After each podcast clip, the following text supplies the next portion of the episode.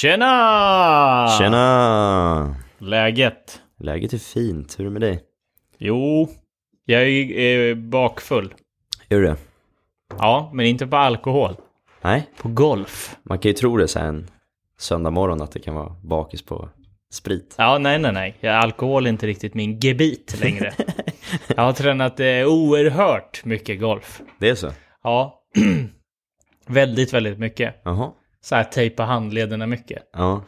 Vadå, har Ehm. du stått några timmar i Nacka Indoor den här veckan? Mm, det har blivit en a bunch. Ja, jag, jag var ändå uppe den timme den här veckan, så var, jag tyckte jag har stått mycket Ja, själv. nej men det är så att när du vaknar upp riktigt bakfull, Ja. det enda du kan göra då för att må bra, det är att dricka lite mer. Och det är precis det jag ska göra efter vi har spelat in den här podden. Och är bara tejpa handlederna och sen gå och dunka boll igen. ja. Fan vad nice. Ja, det är mäktigt. Mm. Så det blir vi några bollar den här veckan alltså. Ja. Ja. Men när det är massa snö ute så här och solen skiner, får du rysningar då eller din lilla jävla skidåkarmupp? ja, ja. Tänker du på längdskidorna din jävla muppjävel? Ja, det, enda jag, det enda jag har suttit och googlat nu de sista tre dagarna är vart finns det skidspår och hur bra är skidspåren? Ja, De är spåra på Ågesta och spåra på Ingarö. Mm. Eh, Så det, det är sådana grejer jag tittar på. En normal människa hade ju vaknat upp på morgonen och tänkt så här, fan vad vackert det är med snö och solsken. Det är lite fjällvibbar. Ja, det är det verkligen. Jag blir ju skitarg. Nej. För jag tänker bara på dig, Ja. din lilla äckliga jävel, och dina äckliga skidor. så jag börjar ju dagen på absolut sämsta sätt. I aggressivitet, Jag ser mitt aggression. nylle. Hatar dig, jävla jävel. Ska vi köra igång? Ja, ja, det gör vi. Välkommen till Drömgolf.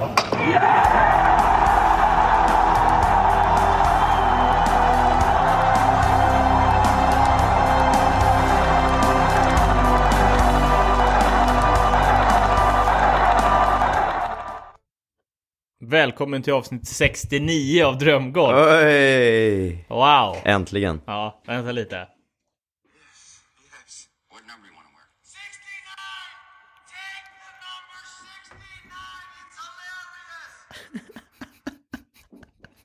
Förberedd. Ja. It's hilarious. It's hilarious. Ja, det är det här. Mm. Verkligen.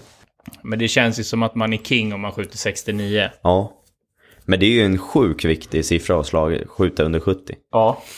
Ehm, Har du det- skjutit under 70 någon gång? Ja, absolut. Det Har är du, det- har du gjort det på tävling? Nej, det har jag inte. Nej. Eller...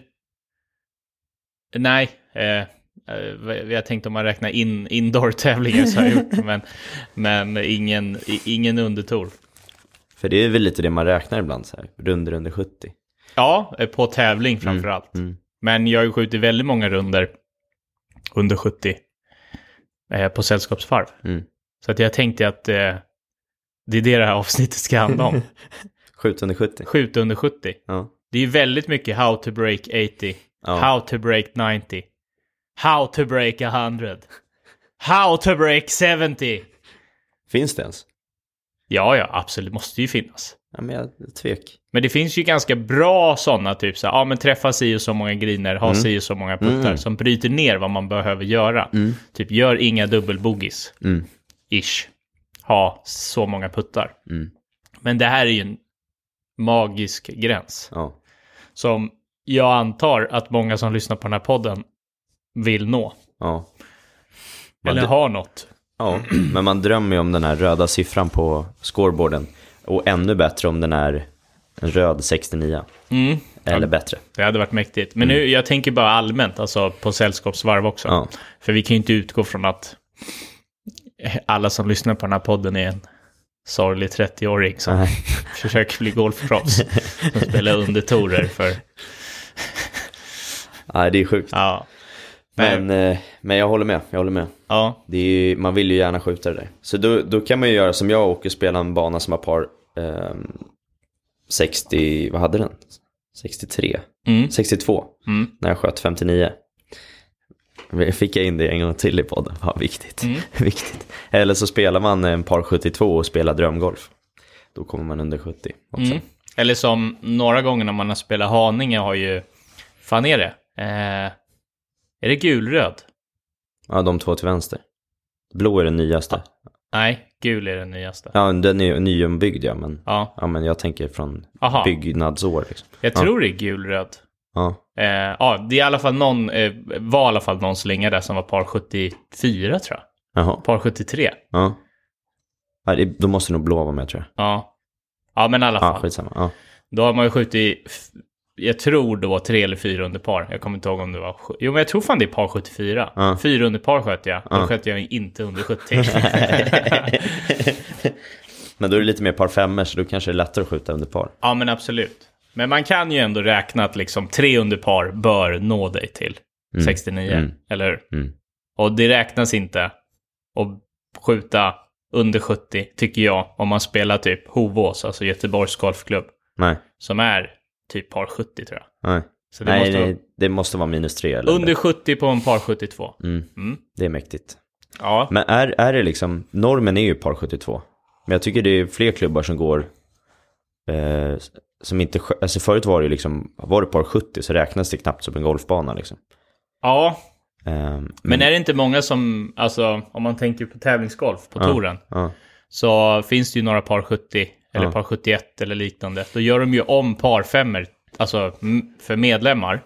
Eh, och till tourspelarna så får de spela den som en par fyra. ja, Så är det ju på PGA National vet jag. ja. Att de gör om typ en eller två par femmer till par fyror. Men är det inte så när du spelar trackman golf också, om du spelar längst bak så blir det helt plötsligt en par fyra? Eh, ja, exakt. Så den banan blir inte längre utan det är bara paret som ändras. Ja, det är sjukt. Ja, Då blir det jobbigt. då blir det hard. Ja, eller som vi spelar Quail Hollow tror jag den heter va? Nu, det var, alla par fyrorna var över 430 meter kändes det som. Mm. Det är tips till er där ute att eh, om ni tränar mycket trackman, vilket om man har många timmar att stå, eh, typ om du spelar tre varv, vilket inte är ovanligt för mig, alltså tre 18-årsvarv, välj inte liksom de svåraste, längsta banorna på det tredje varvet.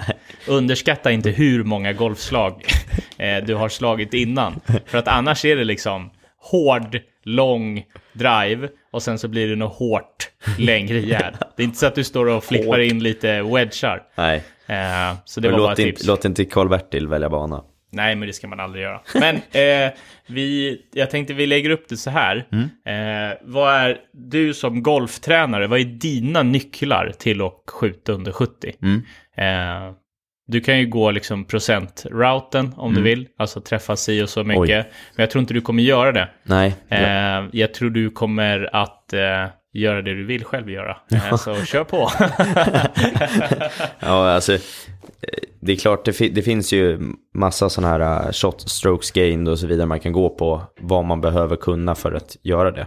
Men jag skulle säga, som du var inne på, den viktigaste biten för att du ska kunna klara det.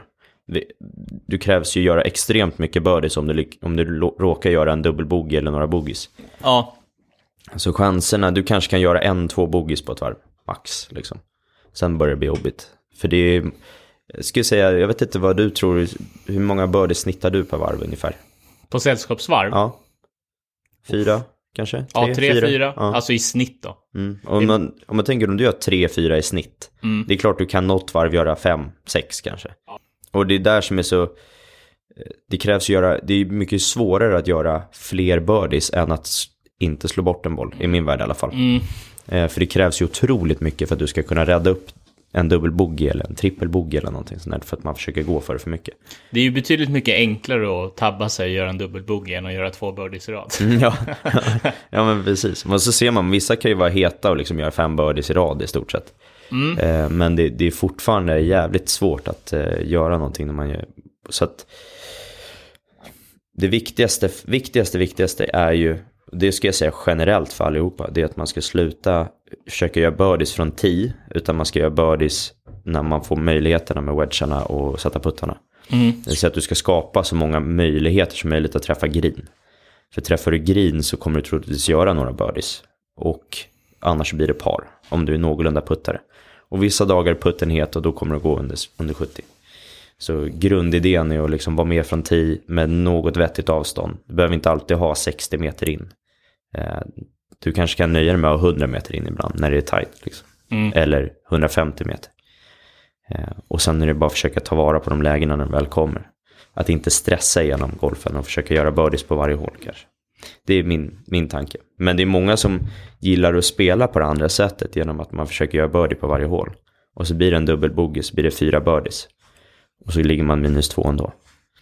Ehm, men jag är lite mer den här, var med från tee, se till att skapa så mycket fairway-träffar och green-träffar som möjligt och sen vara het med putten. Den dagen. Och är det inte het med puttarna då är det jävligt svårt hur du än gör. Eh, och gå, un- och gå under 70. Det är jättesvårt.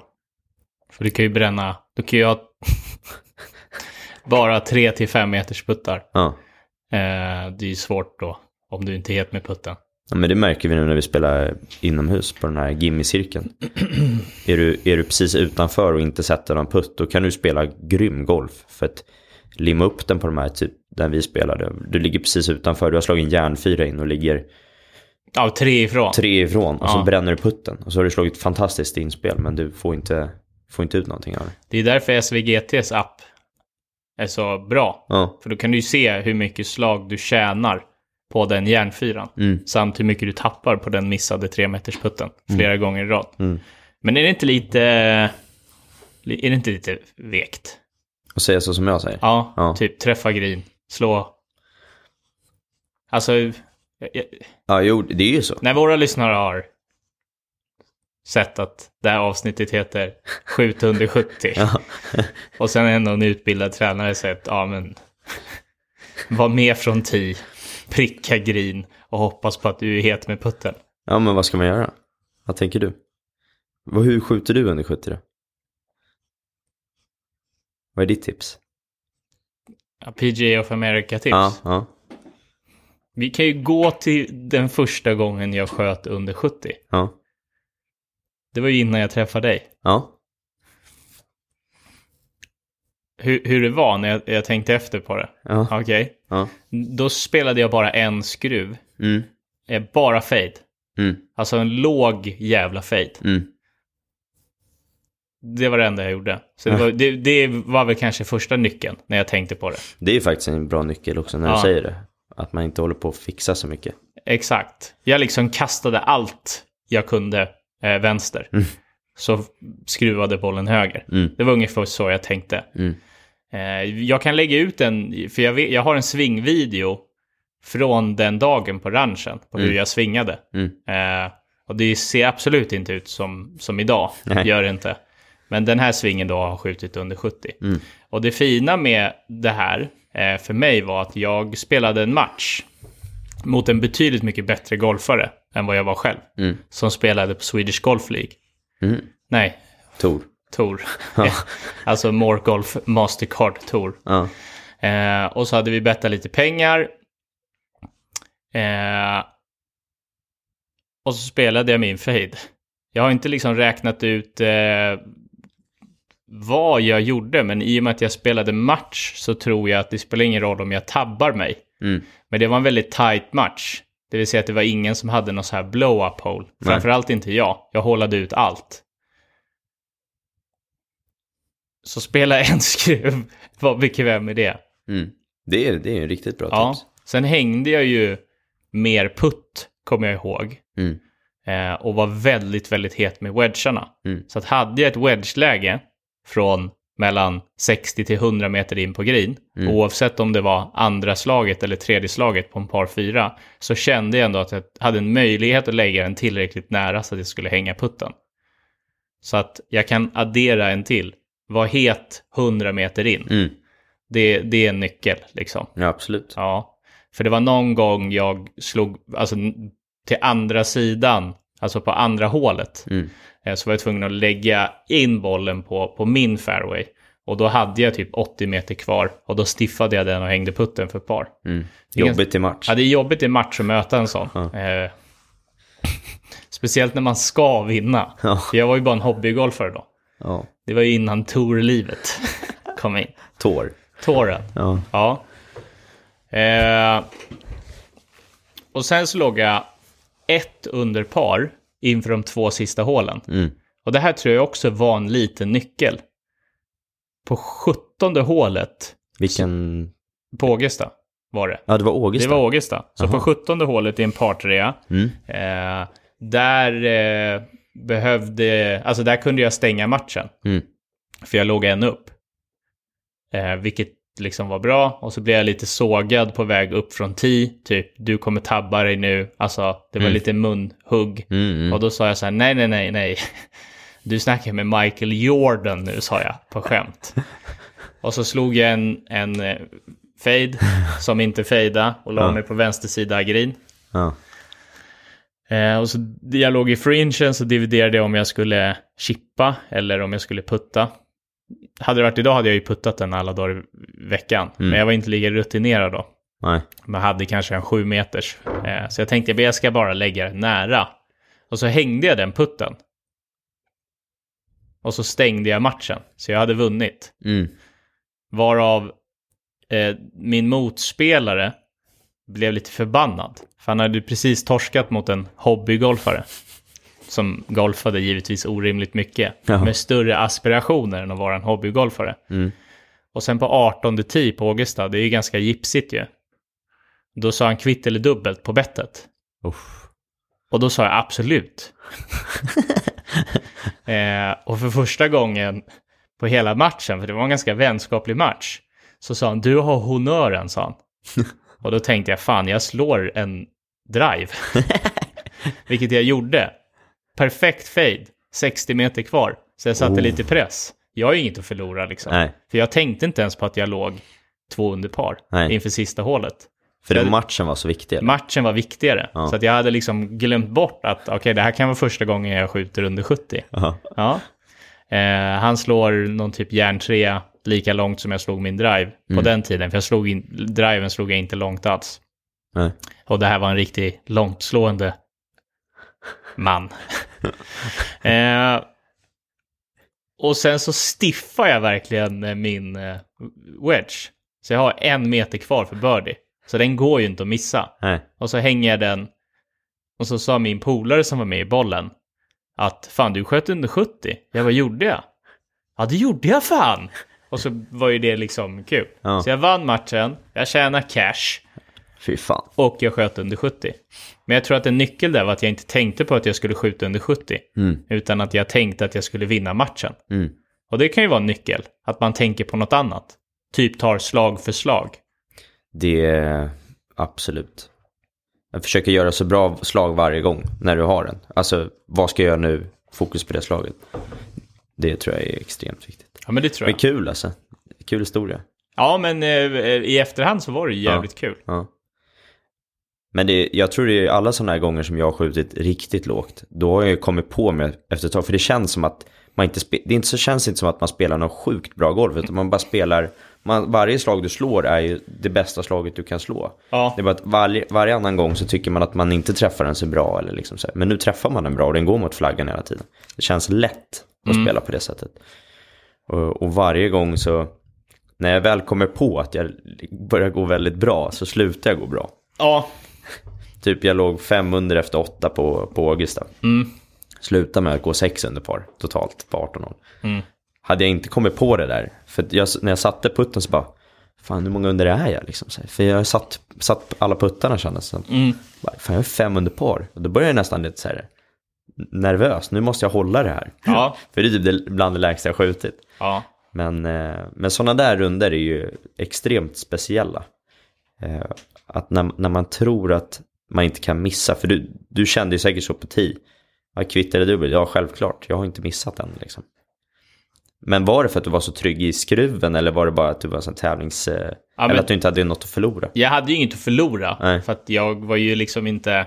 Jag hade ju oddsen emot mig. Mm. Men jag, jag hade, innan jag liksom eh, satsade på golf som jag gör nu, eh, så hade jag alltid liksom en chip on my shoulder om du förstår vad jag menar. Mm. Det var viktigt för mig varje gång jag spelade med en proffsgolfare att jag skulle spöa den golfaren. Mm. Outtalat. Mm. Så ibland spelade man match, ibland spelade man inte match. Och då var det ändå väldigt viktigt för mig att jag skulle spöa den. Alltså jag skulle Jeff Noxa skiten nu, tänkte jag. Eh, skulle plocka, plocka fram min inre Jeff. Eh, Jeff. Men det är ju bara för att man är en tävlingsmänniska. Ja. Men det tror jag. ja, men fan vad, fan vad kul. Mm. Det var nog svårare när jag skulle skjuta på par för första gången. Kommer jag ihåg. Eh, och då spelade jag ju med min morbror och brorsa. Mm. Och sen någon polare till. Eh, Och då var det ju liksom, då, då hade jag en typ 2,5 meters putt för att gå minus ett. Mm. Så då hade jag verkligen marginal. Eh, men den brände jag. Mm. Och då var jag arg, för då kunde det ju varit liksom två flugor i en smäll. Då kunde jag ju Mm. gått under par för första gången. Missade du parputten också? Nej, nej, nej. Nej, den satt Den jag. satt. Ja. Så jag sköt på par. Ja, jag, jag kommer ihåg, det här är alltså innan gymnasiet för mig. Eh, på Österhaninge, då, var, då började vi, vi var ett gäng som blev ganska duktiga ihop så här.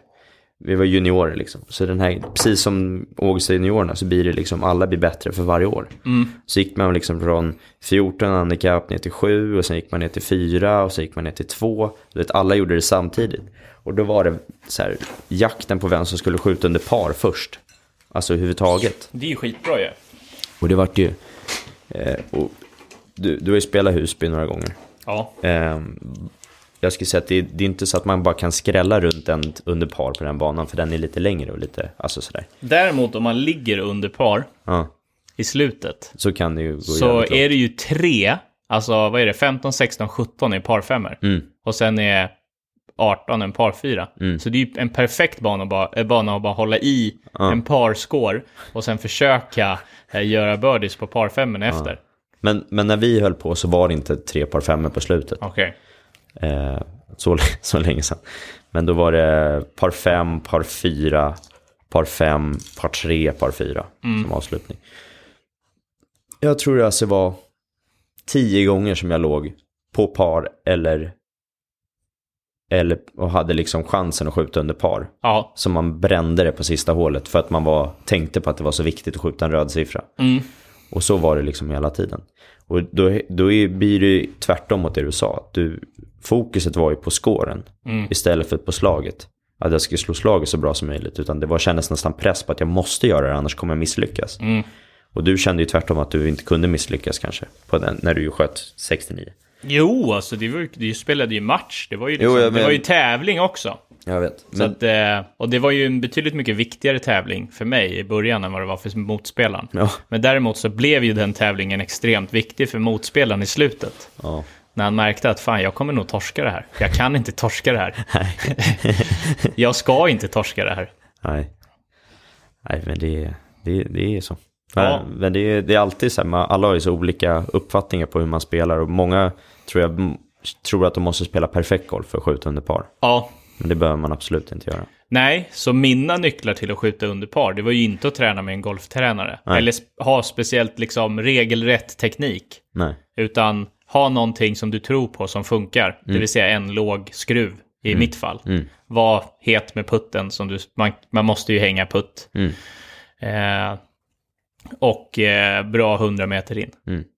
Mm. Så att om jag hade då lagt upp ett träningsschema schema för lyssnarna Mm. för att skjuta under 70. Då hade det varit att spela en skruv. Mm. Alltså bara en skruv. Och träna väldigt mycket wedge här 100 meter in. Mm. Alltså 60 meter, 50 meter, 80 meter. Ja, allt från 10 till 100 meter. Ja. ja, men det är helt rätt. Det, det, det handlar ju om att, det har vi pratat om förut, att är du inte topp 50 i världen så kanske du bara ska spela en skruv. För Ja. vet du, du vet ju alltid hur bollen kommer fun- fungera. Ja, Eh, sen tror jag det är jättebra att kunna slå bägge, men det är väldigt sällan du står, om du vet att det alltid kommer slå fade, eller alltid drå, då, då ser ju du det slaget framför dig varje gång. Mm. Och då spelar du på ett visst sätt liksom. Eh, så att jag tror att det är extremt viktigt att, att, att kunna liksom slå olika slagen, men är man en hobbygolfare så ska man absolut inte försöka ändra en, en fade till en drå, bara för att drå går längre. Det jag tror många liksom sabbar det kanske. ja men det tror jag verkligen. Ja. För det kommer inte ligga där. Nej. För att ni kommer då troligtvis inte spela den typen av banor. Eh, alltså vi säger Ågesta till exempel, från VT. Där, där kan du ju liksom, där kommer du ju runt. Du behöver inte slå speciellt långt liksom. Du behöver vara säker på var bollen landar från 10 då. Mm. Men spelar du, eh, jag kommer ihåg det när jag spelade eh, Stensson, alltså Österåker, från backtee. Då märkte jag att om jag inte har typ 250 meter carry med driven eh, så kommer jag inte kunna skåra på en sån här bana. Nej. Och då kontaktade jag ju dig Mm. och sa så här, jag vill få upp längden i, i eh, driven. Kommer du ihåg det? Mm. Och det var ju vår första lektion. Mm. Som jag faktiskt betalade för. Ja, Sen typ nio månader senare eh, så frågade jag om vi skulle starta en podd tillsammans och göra Ja. den här satsningen. ja.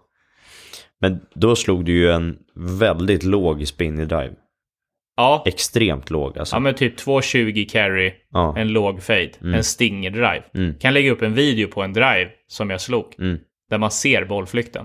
Alltså den lämnar knappt backen. Jag kommer ihåg du, du skickade en film till mig när du står på tolvan på, på Ågesta. Mm.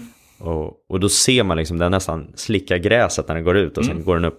Så du har ju en poäng till att man ska skruva åt ett håll hela tiden. Ja, Men poängen är också att du kanske inte ska ha eh, när skruven påverkar för mycket. Det vill säga att det blir, om vi säger att det är en slice, så att du kanske slicear 80 meter skruv.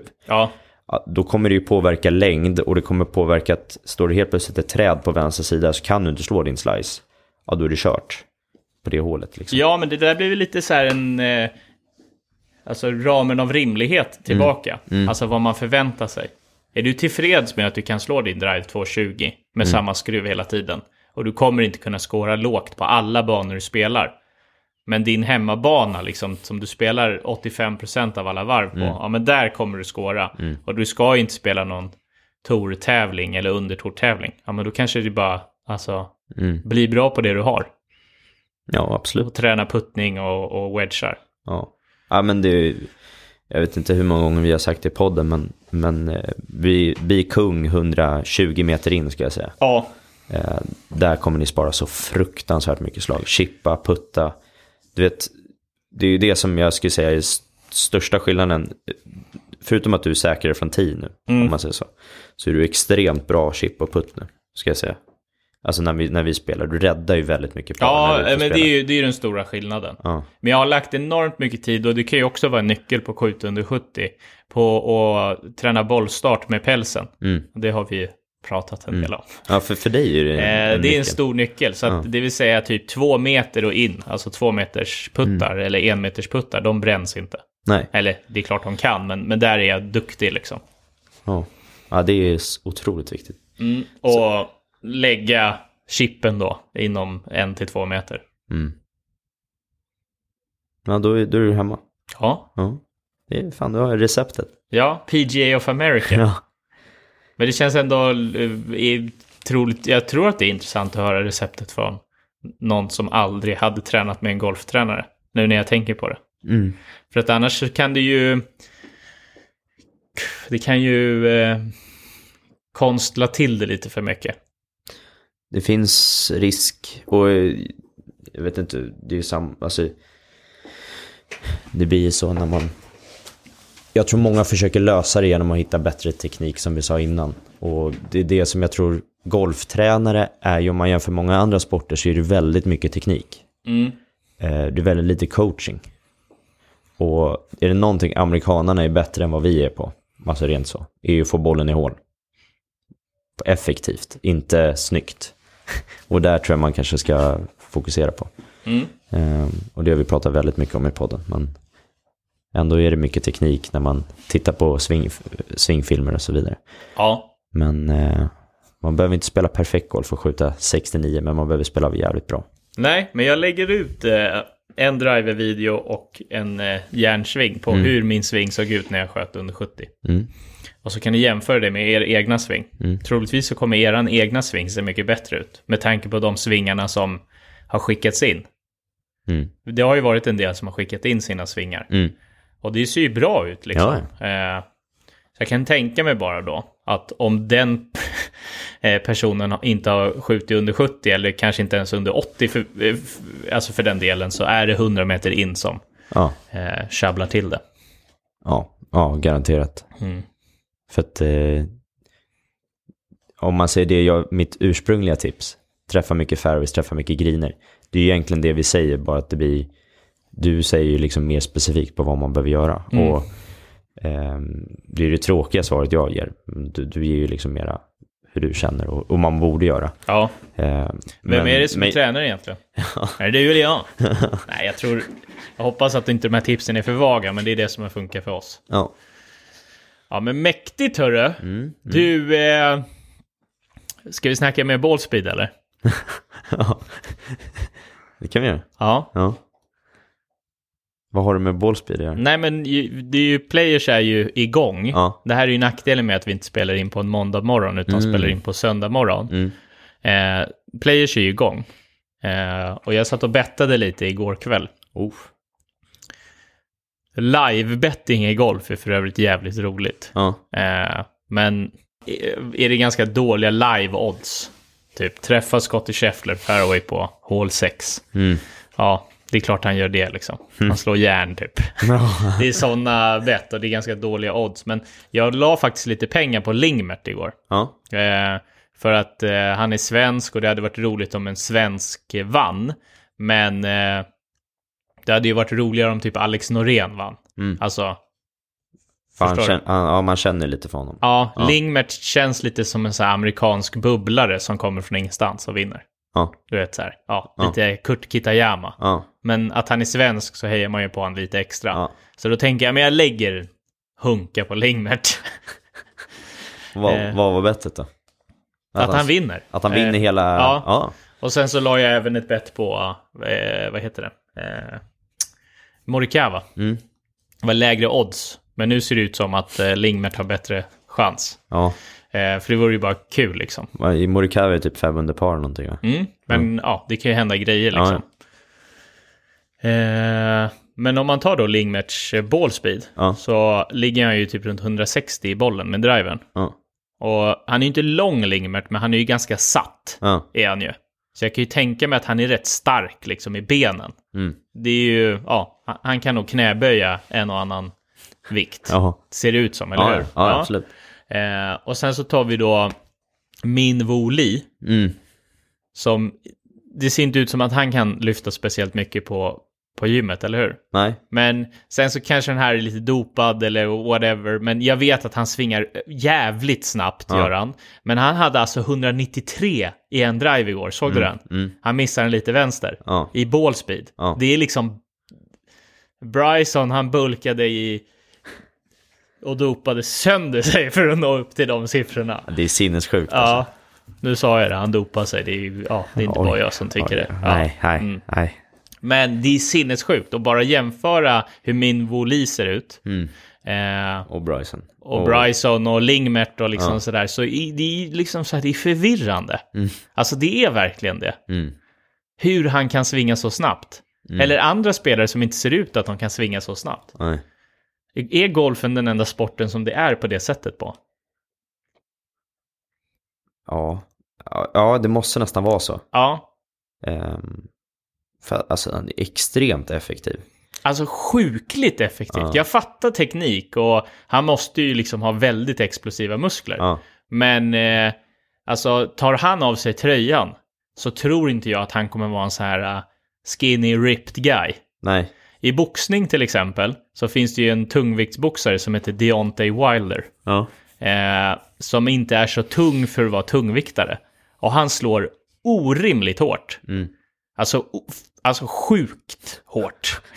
eh, men grejen är att han är inte, han är lång eh, och han är ju smal för att vara en tungviktare. Huh. Eh, och väger runt typ så här, ja, 100 kilo, 105 kilo. Ja, kanske inte så mycket. Men han är ju, ja, han ser ut som en basketspelare. Alltså han är ju tokigt rippad. Mm. Han kan man ju fatta någonstans ändå att det finns lite power där. Mm.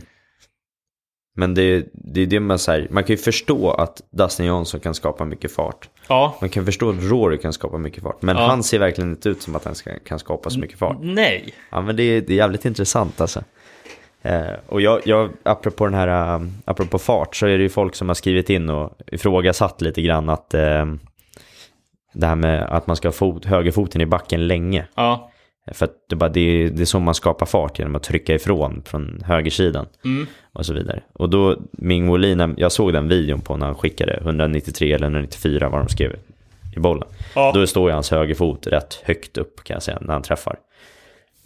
Men då är det ju också, han är inte jättestor tror jag.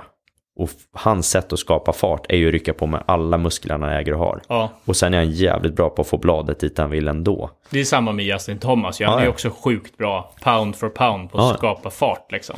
Och det, det är ju liksom, det är ingenting som säger att man måste ha en högerfot i backen eller någonting. Nej, nej, nej. Men vi, vi pratade ju mer kontroll snarare än att bygga fart. För då ska vi bygga fart då är det bara att ta i allt vad du kan och Ja. försöka lösa det så hur din kropp tar i så mycket som helst.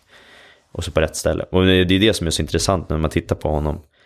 Alltså helvete vad han, det, han flyger nästan ur fötterna Mm. liksom.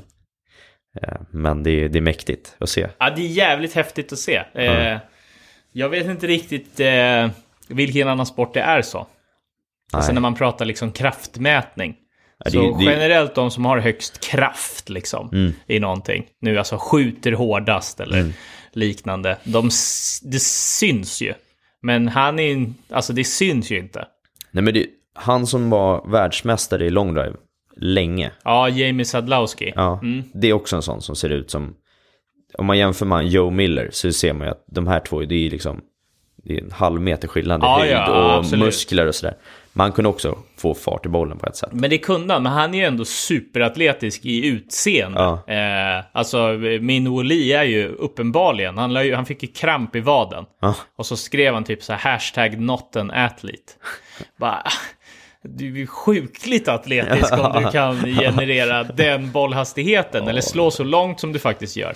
På en sån tight bana som eh, TPG-ken. Ja, det är sjukt alltså. Men eh, det, är, det är kul att se. Det, apropå Mingo Li, han, de är rätt nöjda föräldrar tror jag. Världsfemma på damsidan och han Mm. är topp 50 i världen på herrsidan. Ja, De har fostrat rätt två bra, rätt bra golfare. det har de. Han känns väldigt sympatisk också. Ja. Minvo. Ja, Jag gillar han. det är fint. Ja, man kan ju lätt blanda ihop eh, de koreanska namnen. Mm. Hans syrra heter ju också Min Ji Lee, eller något sånt där. Ja, Ja, undrar hur liksom namnsystemet är i, i Korea. ja det För att de heter ju liksom Sivo Kim, alltså det är Ja. väldigt likt liksom. Det måste ju vara någon sån här typ som Jansson eller Ja, ja. Lubovic. ja, men man har ju hört vissa sådana här efternamn i typ... I Kina är ju vanligast i hela världen liksom. För att de Ja. heter lika. Eh, ja, jag tror inte... Det är, jag, jag fattar ingenting. Men det är ju, Nej men det är ju något De fattar att nog det inte här hur vi är tänker det heller. Lasses grabb. Eh, det är typ min Woli, Lasses grabb. Eh, sen har vi Lasses dotter också, då blir det Min Ji Ja, Lee. Min G. Nej men, Mini G. ja. Mini is sick. Ja. Legendariskt.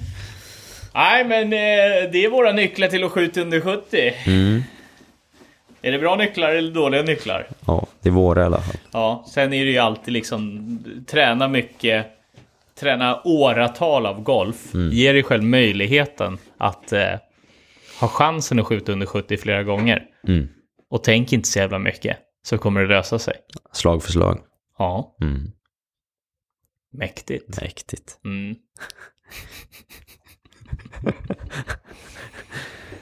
Ja, Är du, är du nöjd med den? Ja, jag är ganska nöjd med den. Eh, v- vad ska du förresten nu?